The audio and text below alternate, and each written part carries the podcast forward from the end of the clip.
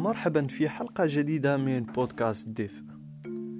نصائح الأخصائية سنة السالم قراءة عمر الفاروق الخلفي. مرحبا. أتمنى أن تكونوا بخير وتكون هذه العطلة التي نوجد فيها تمر على خير بإذن الله تعالى. أحب أن ألفت انتباهكم لنقطة مهمة جدا والتي هي الأفكار وحديثك الداخلي مع نفسك.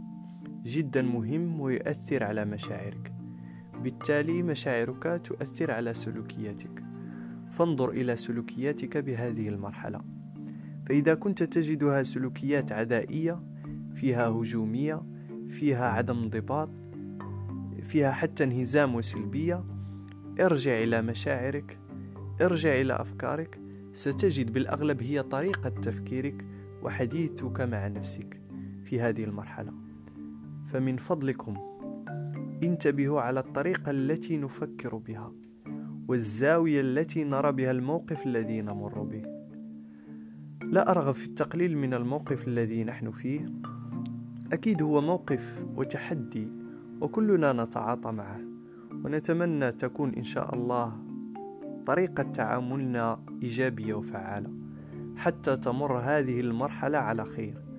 لكن بعض الأشخاص الطريقة التي يتعاطون بها مع هذا الموقف تكون فيها مبالغة جدا وسلبية جدا وانهزامية جدا واستسلام جدا حتى عدم حسن الظن بالله.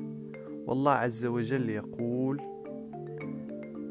وفقا لحسن ظنكم في أنا أكون وبالتالي حتى يقن بالله وإيماننا بالله لا نظهره بالطريقة الصحيحة والإيجابية والطريقة السليمة.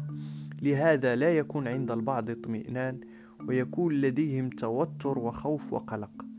فأعطيكم مثال يساعدكم في الانتباه على طريقة حديثكم الداخلي وطريقة تفكيركم.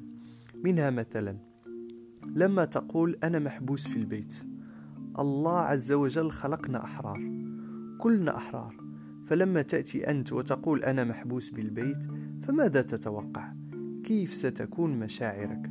أكيد ستكون مشاعر فيها سلبية ومشاعر فيها ألم لأنه لا أحد يحب أن يظل محبوس مجرد أنك تتحدث مع نفسك وتقول أنا محبوس بالبيت تلقائيا انظر إلى أين تذهب مشاعرك ولما تأتي وتقول أنا بأمان في البيت شاهد أين تذهب مشاعرك فهناك فرق كبير جدا.